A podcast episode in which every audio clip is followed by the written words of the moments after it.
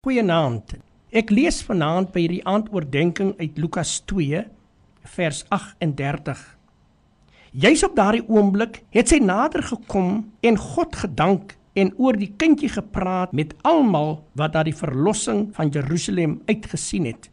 En ek wil vanaand vir elke luisteraar sê, hy het 'n afspraak met jou. Mense sê dikwels van manne en vroue wat groot dinge bereik Hy was op die regte tyd op die regte plek.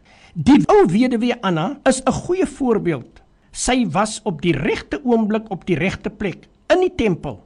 Net toe Josef en Maria met hul kindjie Jesus daar aankom en ook nie net op daardie dag nie, sy was haar lewe lank daar. Volg 'n lewe van toewyding en sy lig sal vir jou, liewe luisteraar, deurbreek. Anna se lewe was nie vol hoogtepunte nie.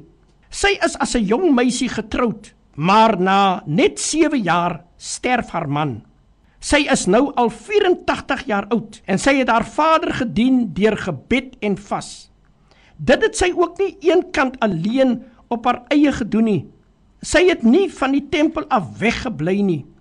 Toe haar man dood is, het haar troue kerkgang nie opgehou nie.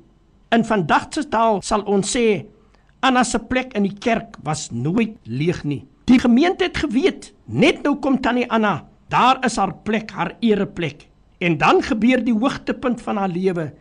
Josef en Maria kom met die kindjie Jesus die tempel binne om hom aan die Here te wy.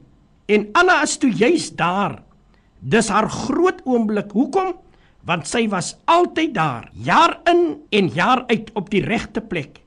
Hier is Jesus die verlosser en sy ontmoet hom. Weet jy, hy het ook met jou 'n afspraak in sy huis elke dag wat ons in die huis van God moet wees. Ons ontmoet hom nou nie meer in die arms van Josef en Maria nie, maar deur sy gees en deur sy woord. 'n Geseënde nagrus. Amen.